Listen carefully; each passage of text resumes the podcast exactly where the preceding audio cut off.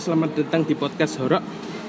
Saya Ilham Fajar Pramesta. Di sini saya bersama narasumber saya, teman saya. Silahkan perkenalkan dirinya. Kenalin, nama aku Fanabila Putri Bayangkari Biasa dipanggil Nabila, Bibil, eh, apa pun lah Terus, Eh, udah aja, kenalannya gitu aja umur?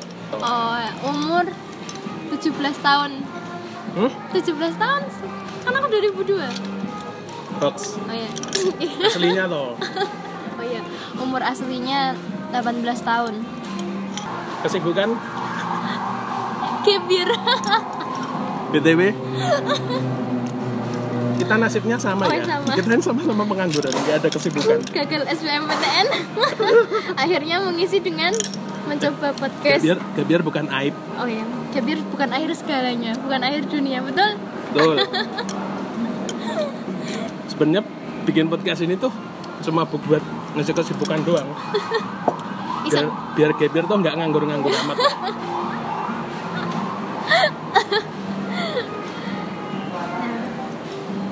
Oke. Tema episode pertama ini apa Mbak Nabila? Buat podcast pertama ini rencana kita mau bahas tentang mental health issue atau yang biasa kita kenal dengan depresi ya Disclaimer yang bahas cuma Mbak Nabila. Saya nggak mengalami mental health issue soalnya. Saya cuma menye- menyediakan lapangan untuk dia bercerita dan berbagi pengalaman. siap Ya, bisa dimulai sekarang. tahun depan mas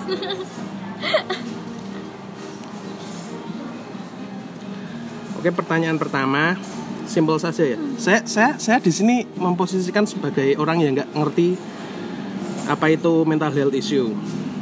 Ya, mental health issue kan. iya benar-benar mental health issue Sebenarnya apa itu mental health menurut dirimu pribadi?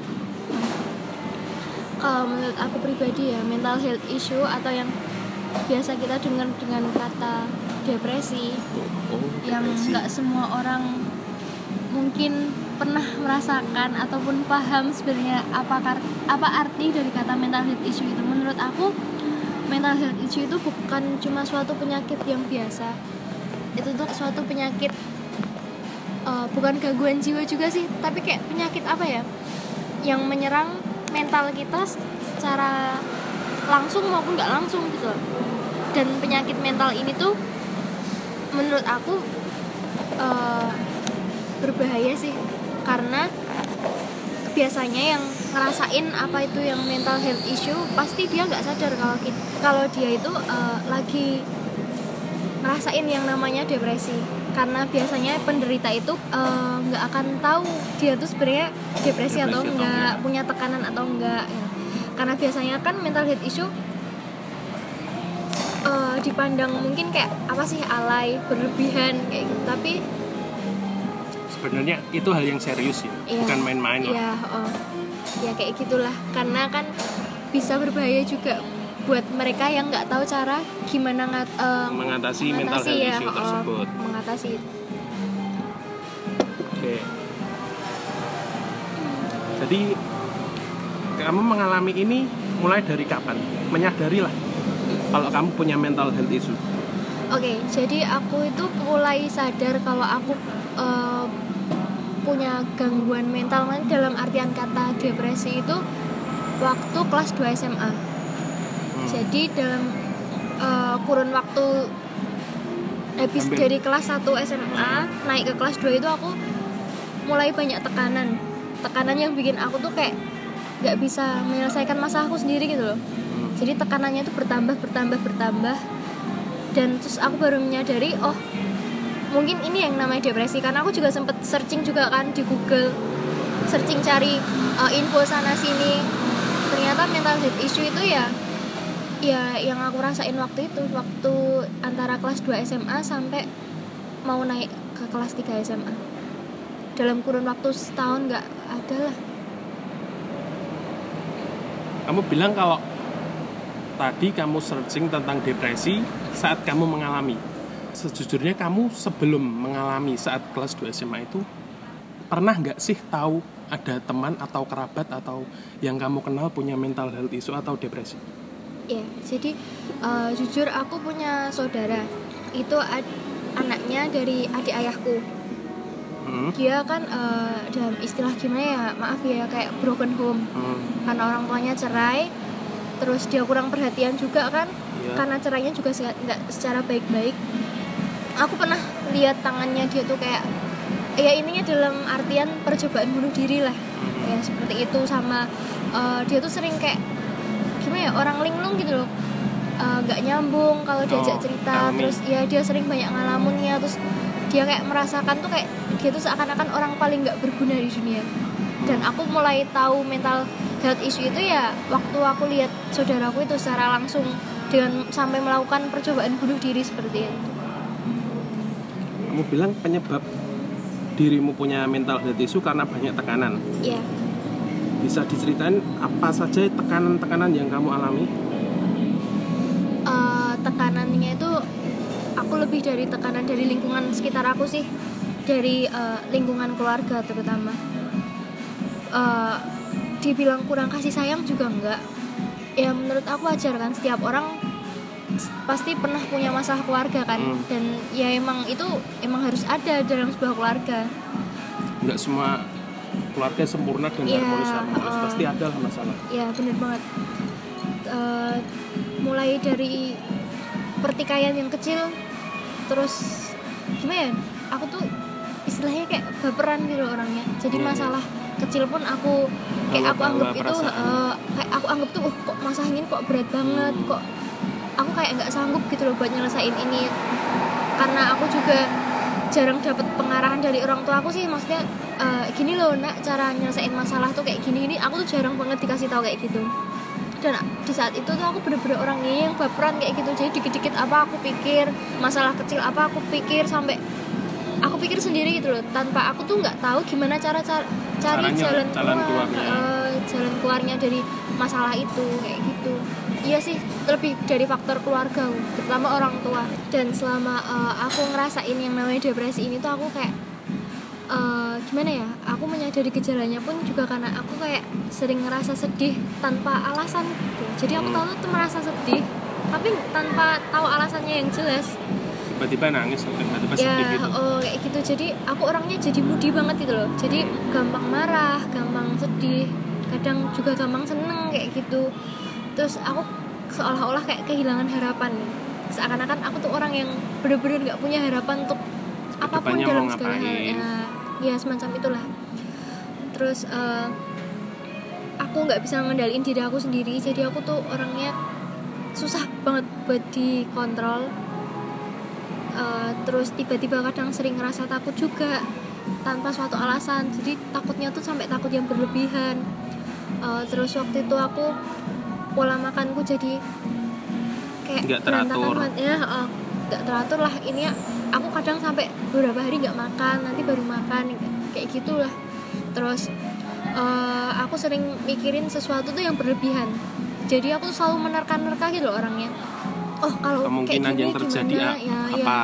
kalau ah, gini gimana ya? Ntar kalau kayak gini gimana ya? Jadi aku sering banget mikir kayak gitu Menerkamu itu menerka yang ke arah positif atau ke arah yang negatif? yang ke arah negatif. Hmm. aku lebih banyak ke arah negatifnya. Karena aku tuh susah banget orangnya buat positive thinking. Karena aku tuh orangnya selalu negating dulu itu. Terus aku tuh suka eh, menyakiti diri aku sendiri sampai aku berusaha melakukan percobaan bunuh diri juga. Hmm. dan itu nggak ada yang tahu. Even orang tua aku pun juga nggak tahu sahabat ataupun teman-teman dekat aku juga nggak tahu. Yang di situ cuma yang tahu cuma aku sendiri gitu loh. karena aku melakukan itu di dalam kamar dalam posisi aku bener-bener sendiri dan nggak ada orang. Dan aku sering nggak cuma sekali atau dua kali mungkin hampir 10 kali lah aku melakukan percobaan bunuh diri. 10 kali dalam kurun waktu? Kurang dari satu tahun. Wow. Iya. cukup parah ya? Iya, kayak gitu karena aku ngerasa eh, kenapa aku sampai melakukan hal eh, percobaan untuk bunuh diri itu karena aku kayak ngerasa aku udah nggak sanggup gitu loh, aku nggak bisa dan kalau misal teman-teman aku ngasih aku saran, Bil kamu tuh harusnya kayak gini, kalau punya masalah nggak usah terlalu dipikirin, aku tuh nggak bisa orangnya kayak gitu, aku nggak bisa. Jujur sampai sekarang pun aku kayak masih punya masalah apa terlalu aku pikir terus aku bawa pusing sampai aku sakit kayak gitu loh karena aku orangnya nggak bisa kalau buat nggak care gitu. Oh ya hmm. Uh, aku susah orangnya buat jadi orang cuek tuh aku susah banget. Ya dan percobaan bunuh dirinya pun nggak perlu aku jelasin kayak gimana cuma percobaan bunuh diri itu ya sampai menyakiti diri aku sendiri lah. Nggak cuma dalam uh, gimana ya? Nggak seketika tapi tuh aku ngelakuinnya pelan-pelan. Hmm. ya ya kayak gitulah ya kalian bisa bayangin lah percobaan bunuh diri itu yang kayak gimana yang seperti apa Yang kalian menyakiti tahu. diri Iya, sendiri. uh, Tapi saat kamu melakukan percobaan itu pada saat kamu melakukannya apakah merasakan rasa sakit secara fisik?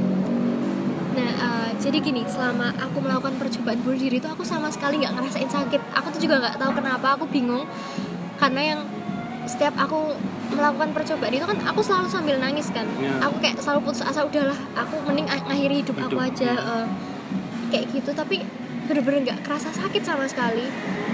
Uh, ya aku sebutin ya contohnya. Aku pernah sampai uh, mukulin kepala ke tembok berapa kali itu bener-bener nggak kerasa sakit. Kerasa sakitnya tuh waktu aku udah udahlah jangan jangan dulu ditahan dulu.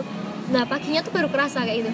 Padahal sam- uh, di saat aku mukul kepala ke tembok aku benturin ke tembok itu bener-bener sampai berdarah sampai lebam Hmm. Sam- tapi itu nggak sakit nggak sakit seketika saat itu sakitnya tuh waktu Sakitnya waktu sudah sadar dan ya oh, kayak gitu dan aku sering banget dengar dengar ah, gimana ya mungkin dibilang gila juga enggak tapi aku selalu dengar suara eh, kayak udah ayo nyerah aja udah ayo mati aja mati mati kayak gitu itu bener-bener suaranya tuh kayak Suara di dalam, di dalam kepala. kepala? iya jadi kayak gitu aku sampai kayak sempat mikir loh apa aku gila ya apa aku tuh separah ini depresiku kayak gitu Oke, pada saat kamu sudah sadar keesokan harinya, kalau kamu berangkat sekolah tuh, apa nggak ada yang nyadar? Teman-temanmu nggak nyadar kalau secara fisikmu tuh ada yang lebam, ada yang luka gitu loh. Soalnya kan malam sebelumnya kamu melakukan percobaan bunuh diri yang menyakiti fisikmu. Secara visual tuh bakal kelihatan kalau ini tuh, oh ini bekas luka. Kalau semalam kan mungkin bekas luka nggak oh, mungkin nggak akan mudah hilang ya mungkin Iya. satu satu malam masih masih bakal kelihatan jadi gimana caramu menyembunyikan lah kepada orang umum dan teman-temanmu di sekolah Iya, jadi eh, setiap habis melakukan percobaan bunuh diri aku tuh selalu mikir gimana ya cara aku tuh buat nyembunyiin luka-luka yang aku sebabin oleh aku Percobaan sendiri. bunuh diri. heeh. Jadi aku tuh kayak eh, karena aku orangnya dulu juga susah banget buat terbuka. Aku tuh bener-bener orang yang tertutup, suka nyen- menyendiri dan walaupun aku punya sahabat ya sahabat deket lah dari SMP, Hmm. aku tuh kayak susah banget untuk nyoba terbuka sama dia. eh. bahkan untuk tentang masalah depresi ini pun awalnya aku bener-bener nggak mau cerita sama siapa-siapa karena aku malu aku bener-bener takut orang tuh kayak bakal ngejauhin aku kayak gimana ya eh eh, kok Nabila kayak gitu sih kok bisa sih kayak gitu. Aku tuh selalu mikir yang enggak enggak kan orangnya. Hmm. karena aku takut dengan aku ngomong jujur mereka bakal ngejauh dari aku gitu loh. Kalau aku punya depresi Iya, ya. nah, depresi nanti. Jadi ya eh, kalau berangkat ke sekolah ya misal kepalaku lebam apa mukaku lebam lah habis aku benturin ke tembok itu aku selalu pakai masker. Pasti masker penutup wajah. Oh, dan itu nggak ada yang tahu kan karena kalau setiap ditanyain temenku sahabatku tuh kayak kamu kenapa sih Bio kok pakai masker aku cuma bilang aku lagi sakit benar-benar ini masker masker penutup hidung dan mulut Ya, biasanya untuk ya. para medik itu ya bukan Iya. bukan masker kecantikan Iya, atau apa iya, iya, bukan masker buat ya untuk nutupin eh, sebagian muka lah Iya. gitu kalau misal di bagian kepala pun kan kalau aku pakai jilbab kan agak ketutup lah. Makanya nggak sampai kelihatan semua. Terus kan jarang kan kita kayak- ngelihat di bagian dahinya orang sampai detail kan juga Iya, nggak. ah. makanya nggak ada yang pernah tahu kalau ada lebam-lebam. Nggak ada yang pernah notice kalau Iya, ini kalau- tuh luka. Mm-mm, bener banget. Cuman kalau buat kayak luka goresan karena benda tajam. Ya ya ya aku jelasin sekalian aja nggak apa-apa kan? Nggak apa-apa kan Ya, ya? silakan. Karena aku pernah nyoba eh, hampir mutus nadiaku sendiri pakai ya cutter lah pisau lah. Dan itu udah berkali-kali. Malah lebih percobaan bunuh dirinya tuh lebih sering pakai cara itu. Daripada membentur kepala ke tembok tadi. Ya eh, itu bener banget. Dan eh, setiap kali itu aku pasti pakai kayak tahu nggak sih? Kayak Hansaplas tapi yang koyo. Hansaplas koyo? Iya koyo. Hansaplas luka? Enggak Hansaplas koyo yang buat Salon kalau pas. pegel-pegel nah ya Oh, salon pas iya, ya, itu namanya kalau setahu kan Hansaplas Hansaplas. untuk Oh, luka iya, iya. salonpas koyo iya iya iya maaf, maaf. ya maksud gitu kan Hansaplas kan juga ada koyonya ya Oh, saya nggak tahu saya nggak tahu saya tahunya salonpas ya jadi maaf ya ini ketawa-ketawain supaya nggak Iya, tegang ya. ha-ha. kan intinya mengedukasi kan ini Iya. ya jadi sampai aku tutupin di ini bagian yang Nadi. aku gores ya oh. sampai iya bau koyo gitu lah bau salon pas ya aku tanya kalau ditanyain kenapa aku bilang kecapean? Kayak gitu. Lebih ya gitu sih. Cara aku menyembunyikan karena aku tuh nggak bener-bener nggak mau sampai ada orang yang tahu. Bahkan itu orang terdekatku keluargaku aku nggak pengen ada yang tahu kalau saat itu aku menderita yang namanya depresi. depresi. Karena aku berpikir kayak eh, depresi itu dulu tuh kayak gimana ya? Suatu aib gitu loh menurutku. Suatu yang nggak suatu harus- yang kalau orang lain tahu diri kita depresi bakal orang orang lain tuh bakal mandang sebelah mata lah. Iya eh, kayak justru eh, nggak ngerangkul kita tapi lebih menjauhi Menjauh, kita iya. Kan tadi kamu bilang kalau kamu menyembunyikan secara fisik dengan masker dengan salon pas. Tapi aku aku kan di sini sebagai temanmu. Iya. Ngelihat di sosial media lah. Kalau aku bergaul secara langsung denganmu pun nggak nggak notice kalau kamu tuh ada depresi karena keseharianmu ya senang-senang aja bahagia-bahagia aja kalau ketemu teman-teman. Jadi ya aku kaget kalau kamu bilang kamu punya depresi. Soalnya di luar tuh kamu nggak nggak pernah ngeliatin ya heeh. sisi aku yang satunya. Sebenarnya ya. di luarnya kamu bahagia di dalamnya ternyata depresi lah. Gimana caramu menutupinya cara aku buat nutupin ya sebenarnya aku tuh kayak ya bukan berniat untuk fake ya cuma eh, aku mikir gini loh setiap orang kan pasti juga punya masalah kan? Hmm? dan masalahnya pun kan beda-beda dan nggak Iya. semua orang tahu misal aku kan juga temenmu kan ya ini ya karena aku juga nggak pernah tahu oh bom ada masalah apa ya ada masalah apa ya kayak gitu. Ya nggak apa nih kan tak panggil bom bom ya nggak apa-apa nggak kan ya? apa-apa. Panggilanku bom bom Iya, umum. Eh, jadi ya itu dengan aku mikir kayak semua orang juga pasti punya masalah, makanya aku selalu nyembunyiin sisi aku yang satunya, sisi buruk, sisi terendahku lah. Hmm, Jadi sisi aku- depresi lah kita Iya, gitu. eh, kayak gitu. Aku lebih sering lebih milih buat nyembunyiin itu dari semua orang, orang tua, keluar ya orang tua, keluarga, sahabat, teman. Aku lebih nyoba buat nutup buat itu buat diri aku sendiri aja biar aku dan Tuhan yang tahu. wah. Caranya. Ya caranya gimana caranya. caranya? Ya gimana ya aku gini aku selalu punya mindset. Ya walaupun susah emang awalnya susah tapi aku selalu berusaha. Kalau ketemu teman-teman tuh pasti happy kok kayak gitu. Karena kan Hmm. kalau di sekolah kan pasti ada nih ya temen yang kayak bener-bener bikin kocak sampai Hmm, kita tuh sampai yang lupa. benar-benar mm, lucu sampai lupa masalah terjadi iya. Jadi tuh waktu berangkat dari rumah ke sekolah tuh emang aku tuh kayak masih beban gitu tapi kalau udah sampai sekolah udah ketemu sama temen-temen yang kayak kocak banget gitu Hmm, wah pokoknya ribut parah lah. Kayak gitu langsung hilang seketika gitu karena aku orangnya kayak gini selama aku mengalami depresi itu setiap aku sama orang lain aku nggak pernah ngerasain sama kayak yang mentalku sampai down banget itu nggak pernah. Tapi ketika aku menyendiri depresi baru, itu uh, ya datang. datang kayak gitu. Jadi aku selalu gini selama aku depresi itu pun setiap eh, belakangan ya ham- hampir mau naik ke kelas 3 SMA itu aku selalu berusaha kalau mau melakukan percobaan bunuh diri Hmm, kan itu aku juga mulai sadar kan ya aku kalau kayak gini terus aku cuma menyakiti diri aku diri sendiri aku sendiri. dan Nggak. keluarga dan teman-teman sih. Iya bener banget. Jadi selama itu kalau setiap aku mau melakukan percobaan bunuh diri itu aku selalu telepon itu nggak tahu siapa aja aku telepon aku WA random Iya, aku cuma bilang tolong temenin aku bentar, Amin. Apa te- temenin telepon dong, apa temenin chat kayak gitu. Mereka nggak tahu kalau sebenarnya aku di saat itu tuh udah pegang pisau kayak gitu loh, udah, Hmm. udah pegang cutter kayak gitu, udah udah mau gores badanku sendiri. Tapi aku selalu berusaha cari orang, cari kesibukan supaya pikiran Lupa tuh iya kan jadi depresi lupa. itu. Mm-mm.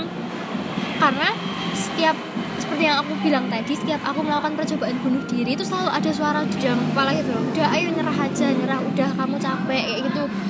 Dan itu suaranya tuh kayak bener-bener nyata aku denger kayak gitu loh. Tapi nggak nggak ada suara apa pun itu suara di dalam kepala. Jadi aku selalu nelpon ya sahabat lah temen lah kayak Hmm. gitu aku cuma minta tolong tolong temenin aku bentar Tolong kayak temenin biar gitu. biar aku tuh lupa, Lupa. sama depresi dan punya kesibukan. iya heeh. jadi biar aku nggak kegiatan. jadi buat nyakitin diri aku Mm-mm. sendiri kayak gitu Sip.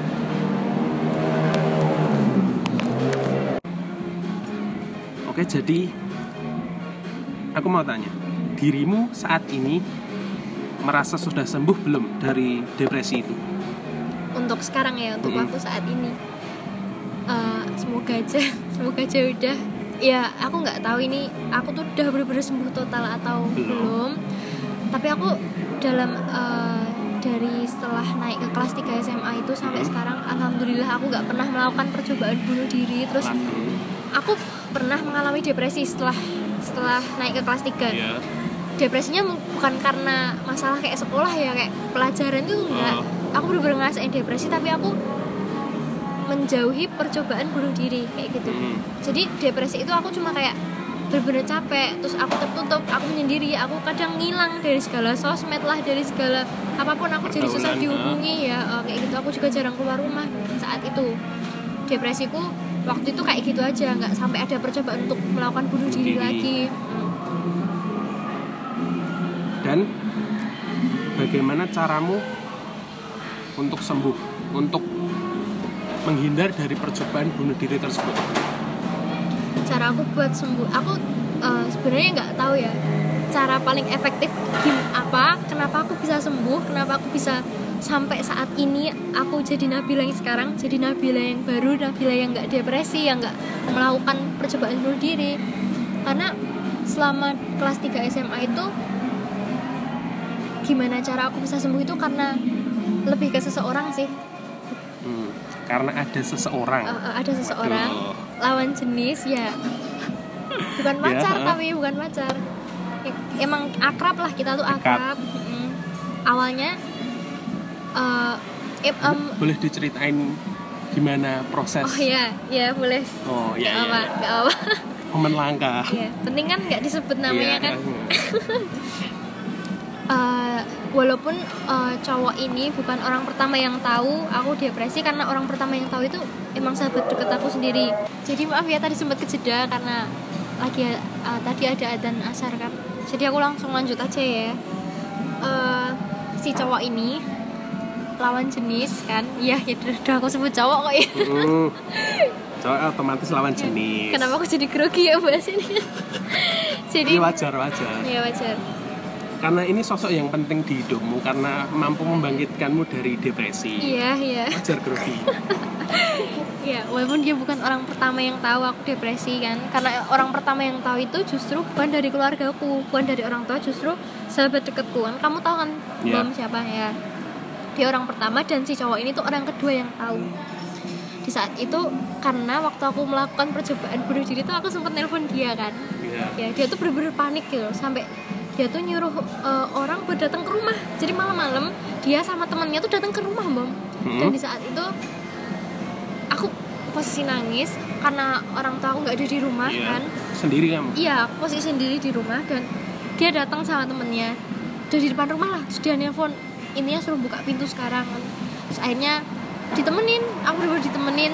Walaupun ditemeninnya nggak lama kan karena aku takut nanti Orang karena itu datang. eh, kan itu udah malam, kan malam, lagian juga tetangga enak ya, sama eh. tetangga ya terus eh, dan kenapa aku menganggap dia menjadi sosok penting eh, buat aku sembuh dari depresi karena setelah dia tahu kejadian malam itu setelah itu dia tuh akrab gitu loh maksudnya dulu akrab tapi nggak seakrab eh. setelah kejadian itu sampai tiap hari hampir tiap hari dia dat- datang ke rumah dan selalu gimana ya ngasih semangat terus tiap waktu selalu nelpon ngasih tau lah ngasih nasihat terus dia selalu nyeritain juga masalah-masalah.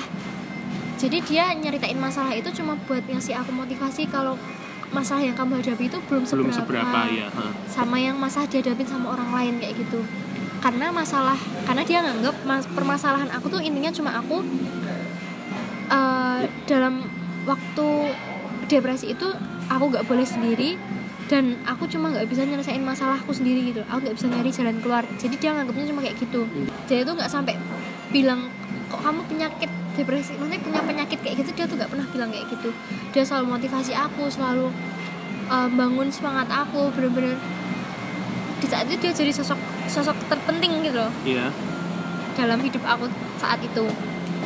Terus uh, ya aku nggak apa-apa kan dia ngomong makasih di sini nggak Pokoknya apa-apa. kalau misalnya dia dengerin ini Iya. aku bener-bener Semoga mendengarkan. ya semoga mendengarkan amin kalau aku pengen tahu kamu itu sosok yang gimana ya nggak bukan spesial sih intinya kamu tuh sosok penting yang bisa bikin aku jadi Nabila yang sekarang jadi Nabila yang baru walaupun sekarang emang kita jarang komunikasi karena Mhm. karena ya kesibukan masing-masing. Iya. ini aku pengen banget ngomong sama kamu. Terima kasih sekali lagi. Kamu udah nyadarin aku kamu udah ngeluarin aku dari jalan sesat ini. Kamu udah bantu aku kamu selalu support aku dukung aku dari belakang dan kamu selalu ada buat aku saat itu. Eh, dan eh, selain si eh, si cowok ini aku juga sempet gimana ya aku berusaha lepas dari depresi itu berusaha kayak mencari ketenangan dari depresi aku itu aku nyoba nambah ibadah aja sih. Karena aku sadar kan dulu mungkin ibadahku eh, nggak nggak begitu kencang lah. Iya. nggak nggak kayak sekarang intinya lah. Pokoknya masih lo lokro banget.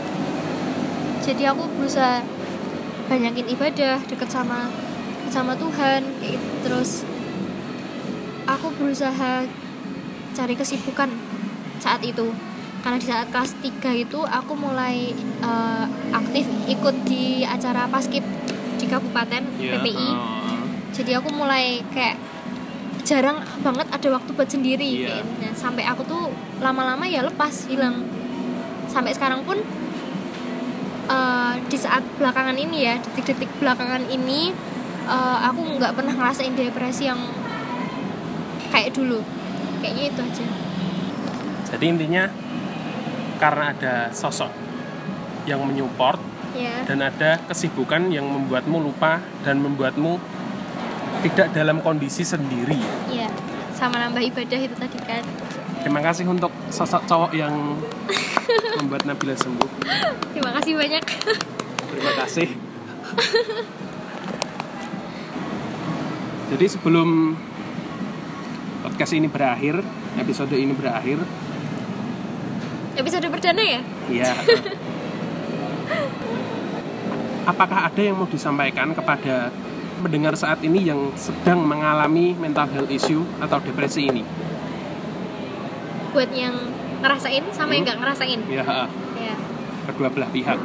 jadi aku pengen uh, berpesan sama kalian semua yang dengerin podcast ini buat kalian siapa pun yang merasakan mental health issue ataupun merasakan depresi aku punya pesan penting buat kalian kalau emang kalian sadar sama uh, sikap kalian yang menunjukkan kalau kalian punya depresi aku pengen kalian jangan takut jangan panik jangan ngerasa sendiri kalau bisa kalian mungkin butuh banget datang ke psikolog atau dokter atau apa pun lah Ya. yang bisa jadi jalan keluar kalian buat terhindar dari itu sebelum depresi kalian bertambah parah atau kalian bisa cari orang yang gimana ya menurut kalian bisa benar-benar bantu kalian buat nyelesain kalian. iya buat keluar Keluar gimana ya dari keluar dari depresi. depresi ini sebelum depresi itu bertambah parah terus aku pengen pesen kalau gimana ya kalau saat kalian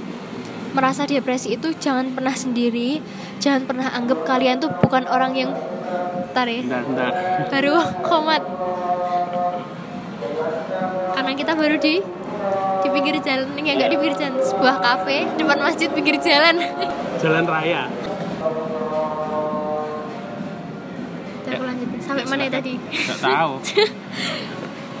ya pesan buat kalian kalau misalnya kalian ngerasa depresi jangan pernah sendiri. Jangan takut dan jangan pernah beranggapan kalau kalian tuh kayak orang paling nggak berguna di dunia. Kalian Wow. orang paling nggak penting orang paling gimana ya paling rendah lah. Jangan pernah punya pikiran kayak gitu. Selalu positive thinking. Dan aku minta sama kalian untuk selalu ingat orang-orang yang emang kalian anggap penting di kehidupan kalian. Dan aku berharap banget orang terpenting dalam hidup kalian tuh ada orang tua kalian keluarga kalian. Seseorang yang ada buat kalian selalu ada buat kalian support kalian dan aku berharap itu orang tua kalian dan keluarga kalian.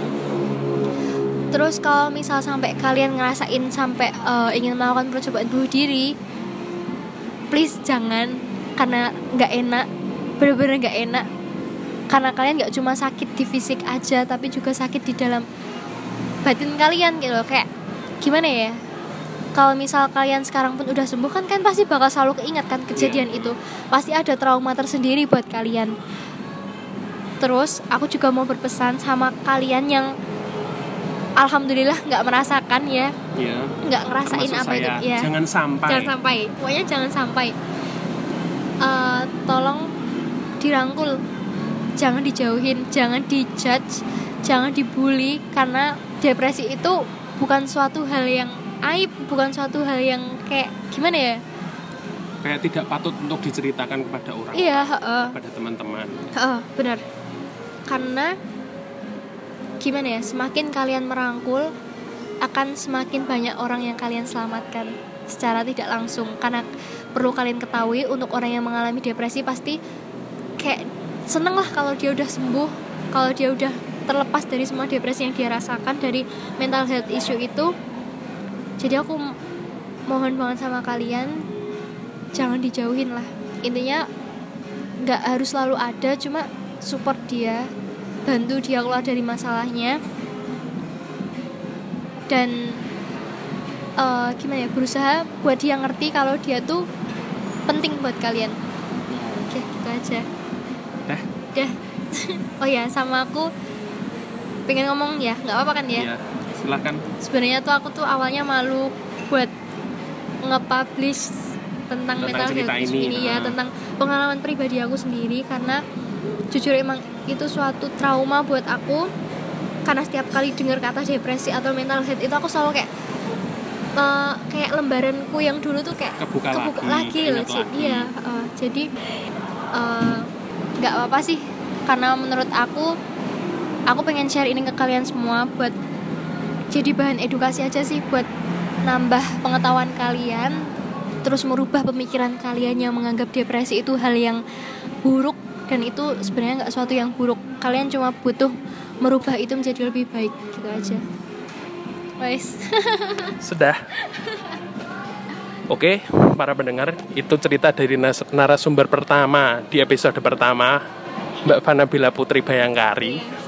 Kalau ingin berkoneksi dengannya, Follow boleh Instagram. boleh boleh boleh promosi Instagram atau Twitter di di uh, p underscore Oke. itu IG sama twitternya itu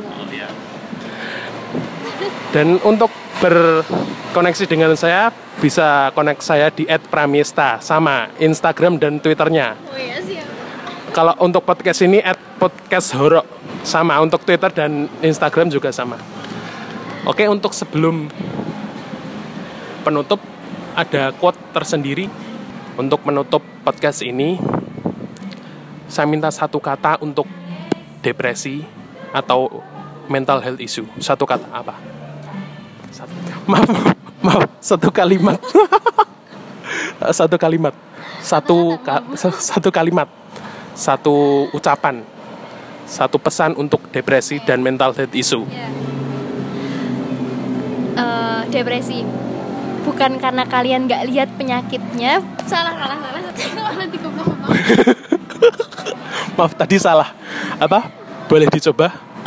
oh ya Satu ungkapan terhadap depresi atau mental health issue menurutmu? satu ungkapan buat depresi ya karena kalian nggak lihat penyakitnya bukan berarti penyakit itu nggak ada Oh, cakep sekali. Seperti mbaknya. Terima kasih para pendengar. Sampai jumpa di episode berikutnya. Ciao.